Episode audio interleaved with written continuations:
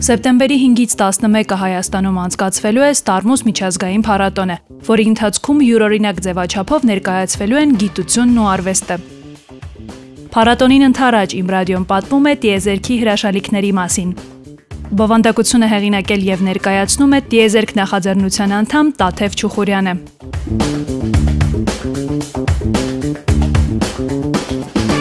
Բոլոր անոնց, որ կգտնվին տիեզերքի միգամածությունեն անդին ողջույններ։ Այս նախադասությունը հենց հայերենով այս պահին ճամփորդում է տիեզերքում։ Զարմացաք, եկեք միասին բացահայտենք, թե ինչպես է ստացվել։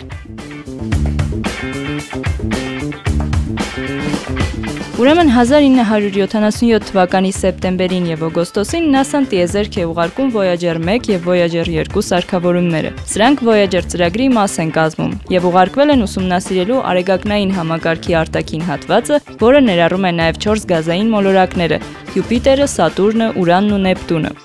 Voyager-ները նաև պետք է ուսումնասիրեն միջաստղային տարածությունը, որն ընկած է արևի հելիոսֆերա կոչվող ոլորտից դուրս։ Այս տիեզերական ճամփորդներին իրենց հիմնական առաքելությունից բացի մի բան էլ է վստահված։ Նրանք զինված են երկու ձայնապնակներով, որոնցում ներկայացված է երկիր մոլորակի ու այստեղի կյանքի վերաբերյալ բազմազան ինֆորմացիա։ Որպեսզի եթե ճամփորդության ընթացքում որևէ բանական արտաերկրային կյանքի տեսակ հանդիպի այդ հաղորդագրություններին, կարողանա պատկերացում կազմել երկրային կյանքի մասին։ Այս երկու ձայնապնակները միասին ստացել են Voyager-ի ոսկե ձայնապնակներ անունը, ու դրանք տեղադրվել են երկու սարքավորումների վրա էլ։ Դե եկեք տեսնենք, թե ինչ բովանդակություն է թաքնված դրանցում։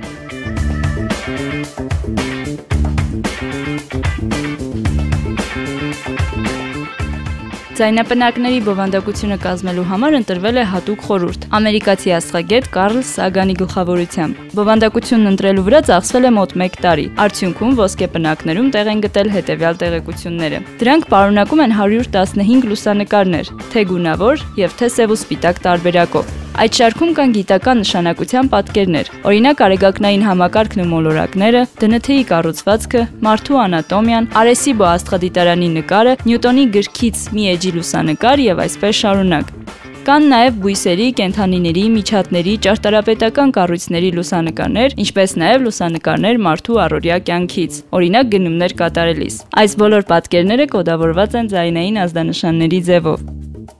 Նկարներից բացի կան նաև տարբեր տիպի ձայներ, կամ բնական ձայներ, օրինակ քամու, կայծակի, կենթանիների ձայներ, ինչպես նաև թռչունների երգեր, ու կան նաև մարդուն բնորոշ ձայներ, օրինակ ոտնաձայներ, ծիծաղ եւ այսպես շարունակ։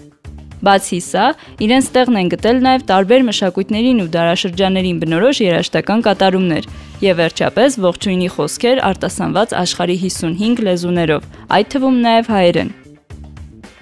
Հաղորդագրությունների մեջ իր տեղն է գտել նաև Մորզեի այբուբենով գաղտնագրված լատիներեն per aspera ad astra արտահայտությունը, որը թարգմանվում է փշերի միջով դեպի աստղերը։